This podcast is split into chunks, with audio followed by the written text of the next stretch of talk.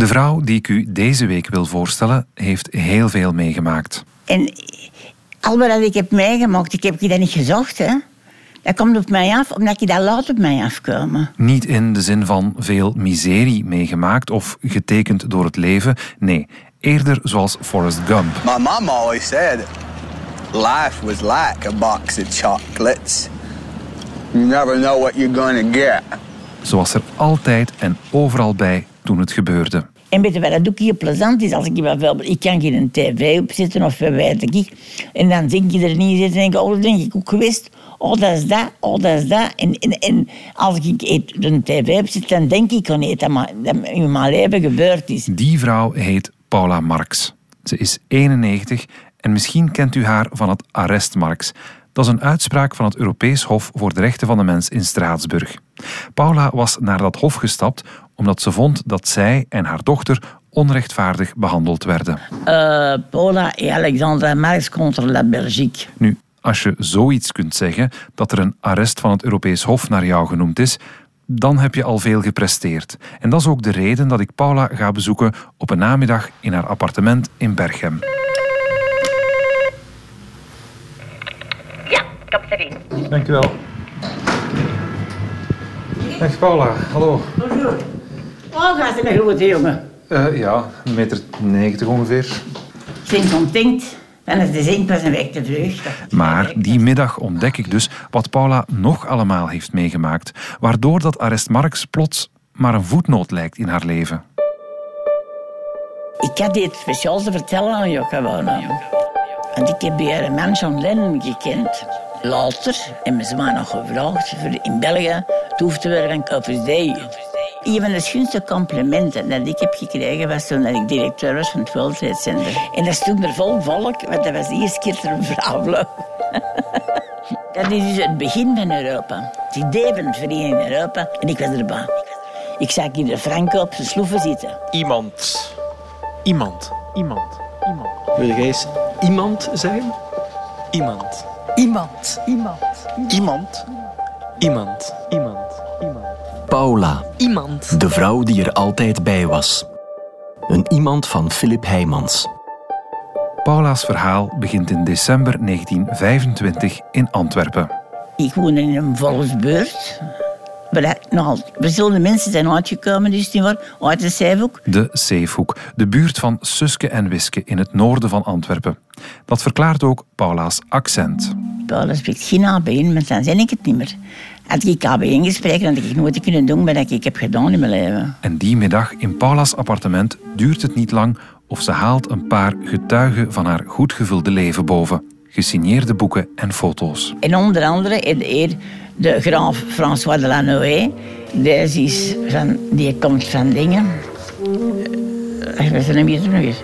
Uh, goh. De prins de Bourbon. Ja, ik kan het niet lezen. Van de Bourbon. Ja. En die kent ook, hè. Maar Yoko Ono. Heb jij Yoko Ono ook ontmoet? Ja, in Amerika. Dat was een toevallige ontmoeting. Een gemeenschappelijke vriendin had Paula meegevraagd. Dat is juist van de grap. Het plezante ervan is, ik had dit speciaal te vertellen aan Jokka wonen. Want ik heb bij een man John Lennon gekend. Die ontmoeting dateert dan weer uit Paula's tijd als journaliste. Ze was op vakantie in Milaan en via een kennis bij de Servizio Stampa, dat is de Italiaanse persdienst, had ze een officieel papier gekregen. En daarmee zwaaide ze toen ze een massa mensen aan een hotel zag staan. Ik zeg aan die mensen, wat gebeurt hier? Oh, ze is de Beatles in hier. Ik zeg, oh ik heb er een afspraak.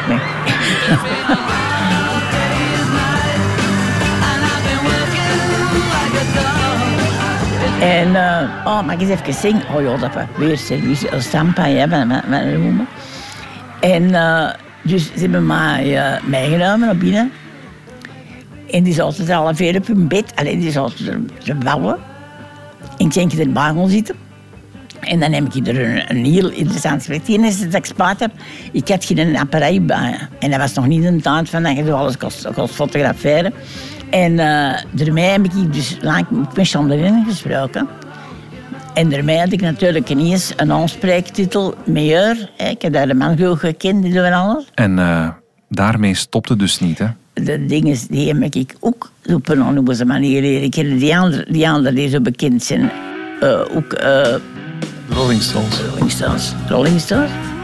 Hoe dat dan weer kwam? Gewoon door in hetzelfde vliegtuig te zitten als de Stones. Paula was toen directrice van het WTC in Antwerpen. En ze was met een delegatie op weg naar Atlanta. Zeker die mannen die mama waren, die waren al goed bevriend geraakt met die hostessen. En je geeft er langs nog eentje die je kent dat zo. Die zouden toch geen een foto hebben maar er is niet naartoe. Allee, ja, we zullen gaan vragen. Ja, inderdaad, waren we zo een draadtrapje naar boven en die zaten de kaarten erboven. en we zijn erbij gaan zitten.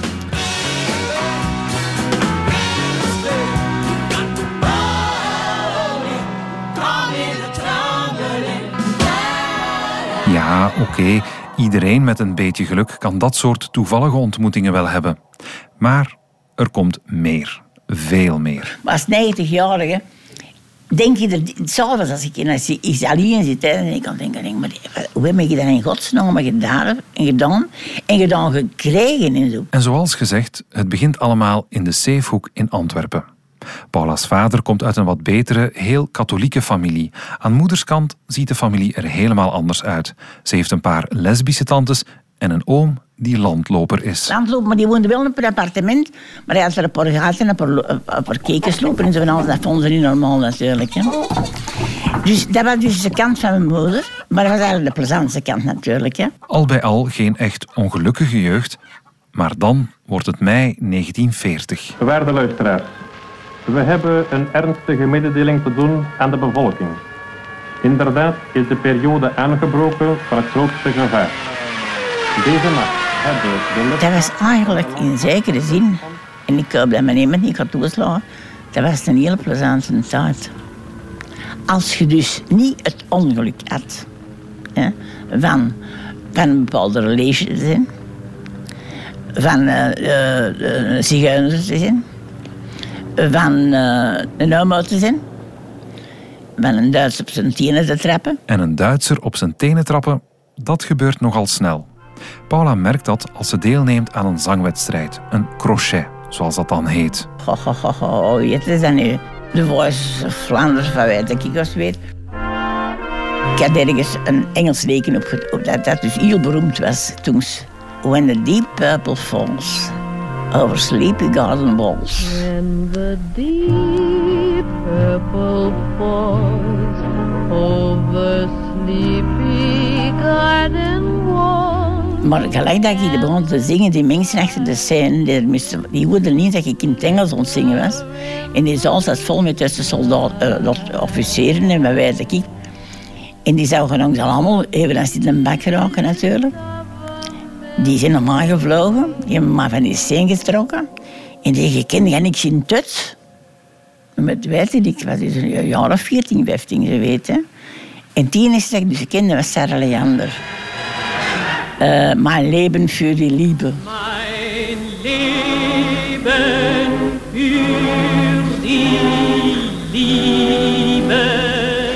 En ik was zodanig kwaad dat ik maar schoon Engels lekens niet mocht zingen dat ik dat leek met gezongen en met mijn schoen.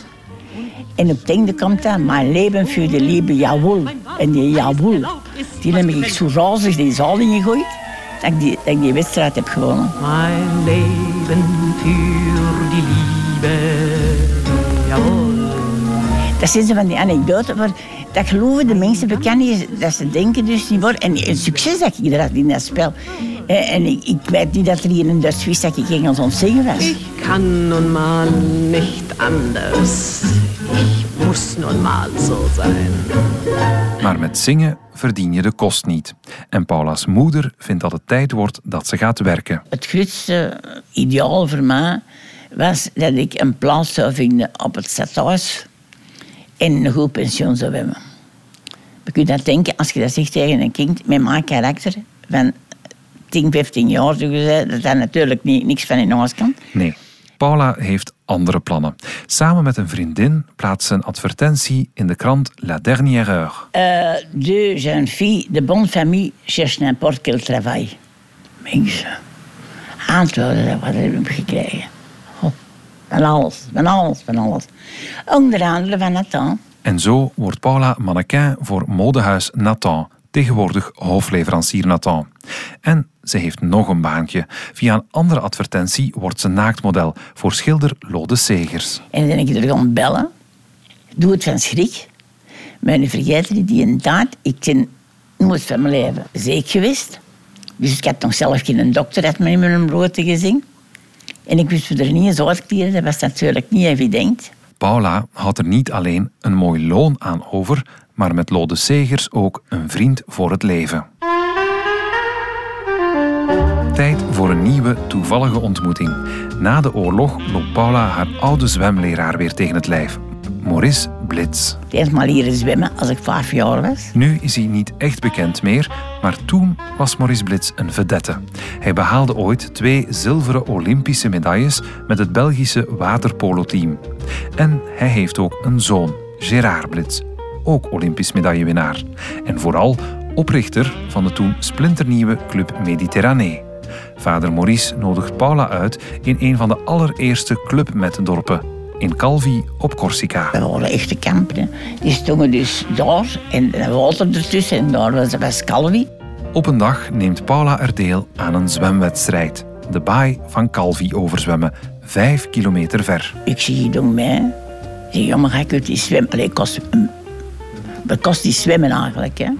Ik zeg, ik doe mee aan die wedstrijd. En ik zie in hand van mijn noemen, hier een palmboom.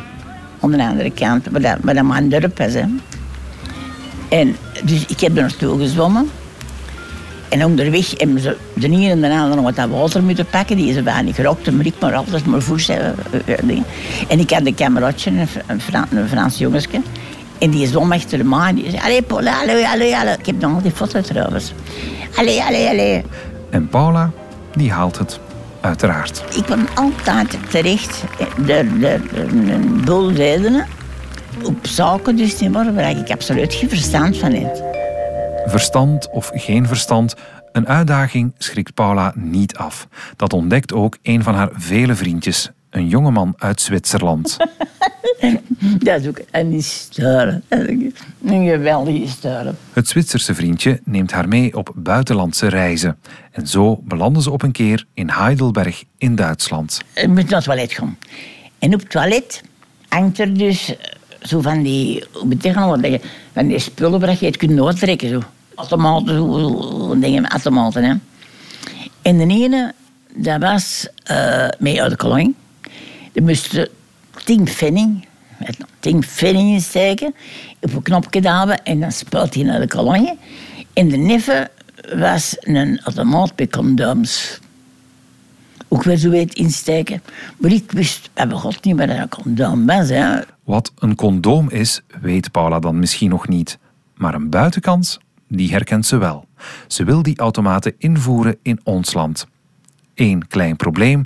De hoofdzetel van het bedrijf ligt in Berlijn. Maar dan moest ik nog in Berlijn geraken. En er was de blokkade geraakte er zomaar niet natuurlijk. Hè. Maar ik had gehoord dat er een ding was, de Luutbrug. De Luftbrücken, hè. Het Rode Leger had op dat ogenblik West-Berlijn omsingeld. Het stuk van de stad dat in handen is van de westerse landen kan alleen vanuit de lucht bevoorraad worden met honderden vliegtuigen per dag. But the Western Allies fight back with an airlift of 450 flights daily, carrying thousands of tons of food into the beleaguered capital. En op één van die vliegtuigen zit op een dag Paula Marx, 23 jaar oud, uit de Zeehoek. Vraagt mij ook weer niet hoe dat ik in dat vliegtuig ben gerokt. Want ik, ik, zou het echt niet weten hoe dat ik het ben aangerokt. Zo belandt Paula in Berlijn, amper een paar jaar na de Tweede Wereldoorlog. Daar heb ik alle morgenen heb ik er caviar gegeten. Voor uh, een breakfast. Want dat was goedkoper dan haren. Omdat dus die uh, Russen, die hadden niks voor, voor om te wisselen. Wel, maar die hadden heel veel caviar. En de Amerikanen die hadden chocolade en sigaretten goede sigaretten, Campbell. En die Russen, die wisselden om Checkpoint Charlie. En dan gingen de Amerikanen met hun, met hun caviar uh, naar de bar of een restaurant. Die betolden met die caviar. En uh, bij mij was dat goedkoop. En uh, caviar, ik het nog maar kost het niet meer zingen. En het lukt. Paula wordt importeur van eau de cologne en condoomautomaten in ons land. De handel draait goed. Tot ze op een dag gecontacteerd wordt door een onbekende man. Maffia. Want die hadden toch al die automaten in handen. Eh, niet theeautomaten, maar automaten in het algemeen. In trekkastjes en mijn weet ik heel die bazaar. En die vonden het absoluut niet plezant dat er iemand was die met een automaten op de markt kwam. De man stelt Paula heel vriendelijk voor om haar handel aan hen over te laten. Ik zeg, nee, is van mij. Ik krijg die niet. Paula vertelt het verhaal aan een vriend, die de ernst van de situatie gelukkig wel inziet. Kind, zei hem, mocht dat je er vanaf ziet. Of eh, er komen alle aardige dingen mee aan gebeuren. En dan heb ik je inderdaad met die, eh, met die gangster een overeenkomst gemaakt. Hè, dat ze dus die, die dingen allemaal mochten overnemen. Hè. En dat was dus end of a beautiful story. En over een beautiful story gesproken, Paula's leven begint daar intussen zelf ook wel sterk op te lijken. Hoog tijd dus vindt ze voor een autobiografie, naar het voorbeeld van Françoise Sagan. Die heeft in 1954 een schandaaltje uitgelokt met haar roman Bonjour Tristesse. Dat was dan al heel gewoogd, dat ging dan al schrijven met wijze ik. En, uh, en ik heb, ik weet al niet meer tegen wie ik zeg, dat kan ik ook. Ja, een boek in het Frans schrijven. En een boek kan ik ook. La Route die heb ik geschreven in 1958. Zonder wel het Frans te kennen met mijn woordenboek van mij. Paula is amper 33, maar ze schrijft dus haar voorlopige autobiografie. En qua uitgeverij gaat ze meteen naar de top. Ze biedt haar boek aan bij uitgeverij Hachette in Parijs. Dan ben ik naar de beste coiffeur die er in Parijs was. Uh, ben ik daar naartoe gegaan, want ik vond dat ik, dat ik toch een beetje mijn chauffeur kwam. Als ik het na vertellen na, weet ik zelf niet hoe dat ik het gelapt heb. Maar het werkt dus wel. Hachette geeft niet alleen haar boek uit, het wordt ook voorgesteld in het Franse paviljoen op Expo 58 in Brussel. Ik verklaar de Wereldtentoonstelling te Brussel 1958 voor geopend. Ik stond dus in het uh, Frans paviljoen met Hachette. En ik word er uitgeroepen als liever de jour. Goed. En opnieuw levert het haar contacten op. De directeur van Martini in België, Dino Vastapan, merkt Paula op. En hij maakt haar lid van de Club Martini. En de Club Martini, dat was wat ik zeg, dat Juliette Greco, en ik zal ze beter op paar namen komen, gepousseerd werden. Dat was neffen de leden op de Champs-Élysées. Uh, die lijn Madre God, Rita Eilert heb ik er leren kennen. Uh, die was niet in die clubs, maar toevallig. Dus ik heb van die mensen leren kennen maar ze zijn samen bager ook. Een ander voorbeeld. Op een dag nodigt Vastapan Paula uit in de bar van Hotel Metropole in Antwerpen. Daar wil hij haar voorstellen aan de pers. In die bar zit ook een jonge Canadese artiest, ene Paul Enka. Mij niet vergeten, we spreken van 58, die was 17 jaar. Hè. Die had juist Diana uitge uitgebracht. I'm so young and you're so old. This my darling, I've been told. En dan hebben we een gesprek gehoord. Ik weet alleen dat we alle twee doodsbang waren. Want voor ons getweend was dat alle twee onze eerste echte interview. Dat is het enige ik me nog herinner dus van dat gesprek.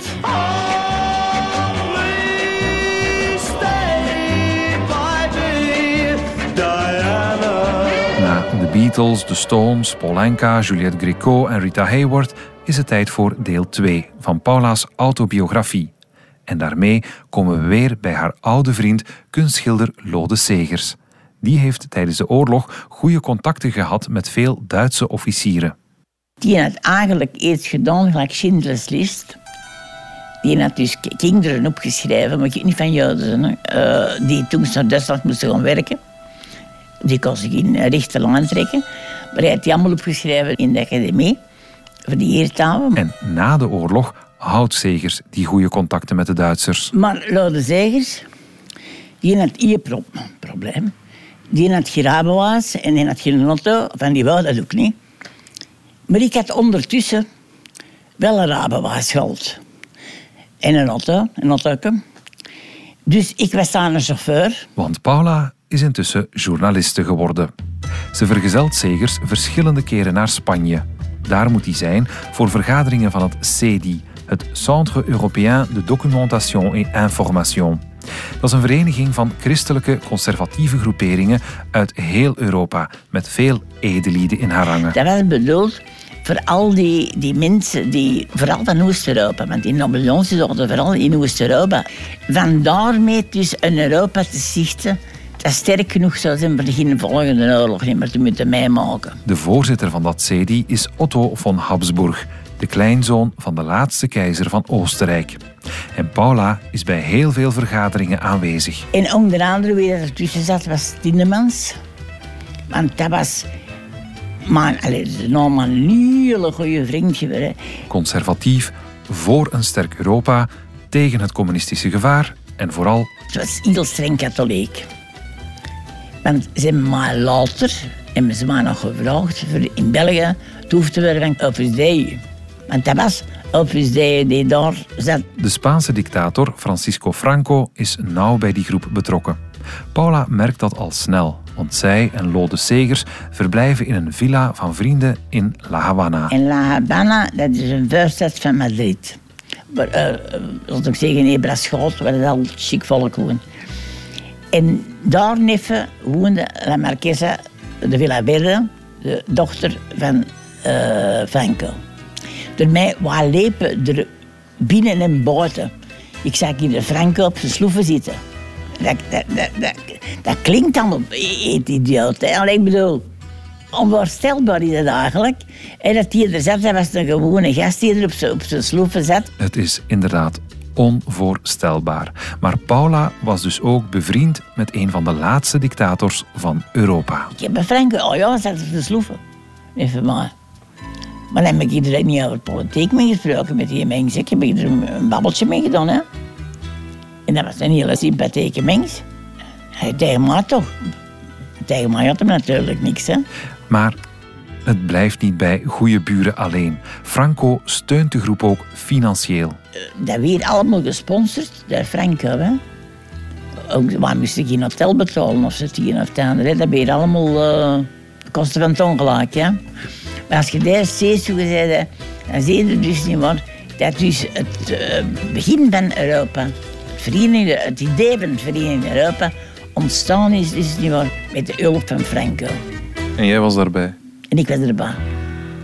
Terug naar ons land. Enfin, via een paar omwegen. Want Paula heeft intussen Afrika en het Midden-Oosten rondgereisd als journaliste.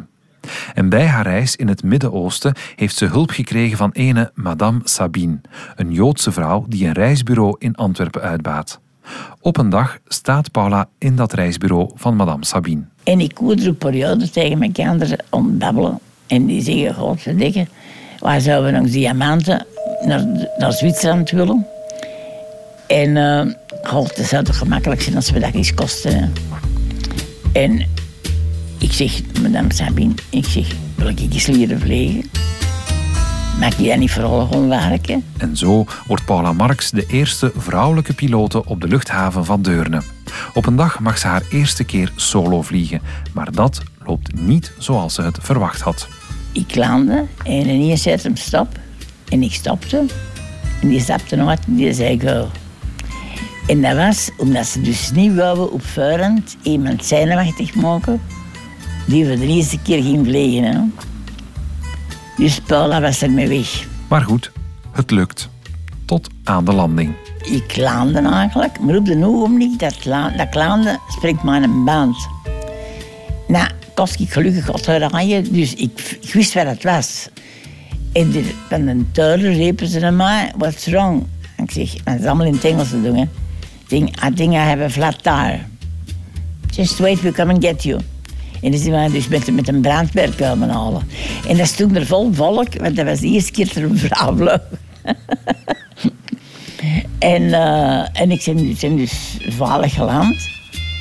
En ik heb maar dan, heel kort daarna, zijn ik in verwachting gerokt. En dan heb ik het niet meer gedaan, omdat ik dus dacht, allee, ja... Dat komt al bij al nog onverwacht. Op haar 47ste is Paula Marx plots zwanger. Ik was nooit eens zot van kinderen. Want kinderen die schreeuwden altijd helemaal zagen. Die moeten totaal niks van mij hebben.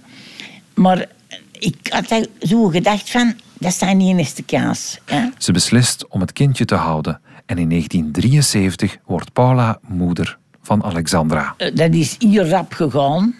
De eerste keer van leven ze zo rap is geweest. Want die is niet in de verloskamer geraakt. Maar dan maakt ze kennis met de Belgische afstammingswet, die nog uit de tijd van Napoleon dateert. Maar die krijgt mijn naam niet. Want die was dus eh, niet van mij. Die was, dat was een onbekend kind. Ik had, had ik dan aan gewillen, had ik hier die middel op straat kunnen gaan leggen.